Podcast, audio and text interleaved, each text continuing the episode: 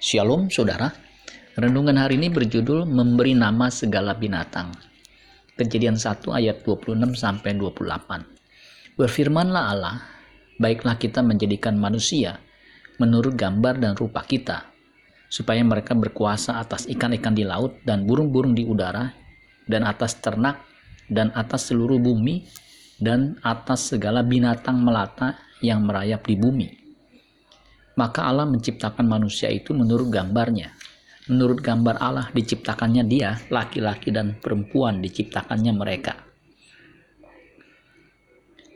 Allah memberkati mereka, lalu Allah berfirman kepada mereka, Beranak cuculah dan bertambah banyak, penuhilah bumi dan taklukkanlah itu.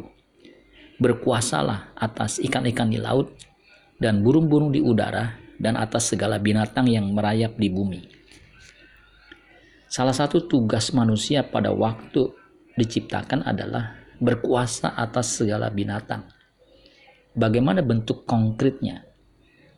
Manusia pertama ketika berada di Taman Eden adalah memberi nama kepada segala binatang. Kejadian 2 ayat 19 sampai 20. Lalu Tuhan Allah membentuk dari tanah segala binatang hutan dan segala burung di udara. Dibawanya lah semuanya kepada manusia itu untuk melihat bagaimana ia menamainya.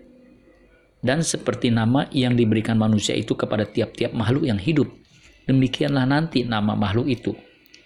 Manusia itu memberi nama kepada segala ternak, kepada burung-burung di udara, dan kepada segala binatang hutan, tetapi bagi baginya sendiri ia tidak menjumpai penolong yang sepadan dengan dia.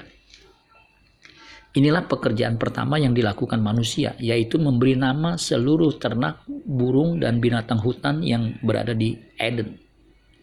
Hal ini menunjukkan bahwa yang memberi nama adalah pihak yang memiliki dan menguasai pihak yang diberi nama.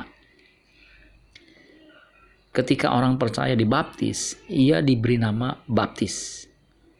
Hal ini menunjukkan bahwa ia bersedia menjalani hidup yang baru yaitu kehidupan seperti Kristus, dan sekaligus ia harus bersedia didominasi oleh Allah.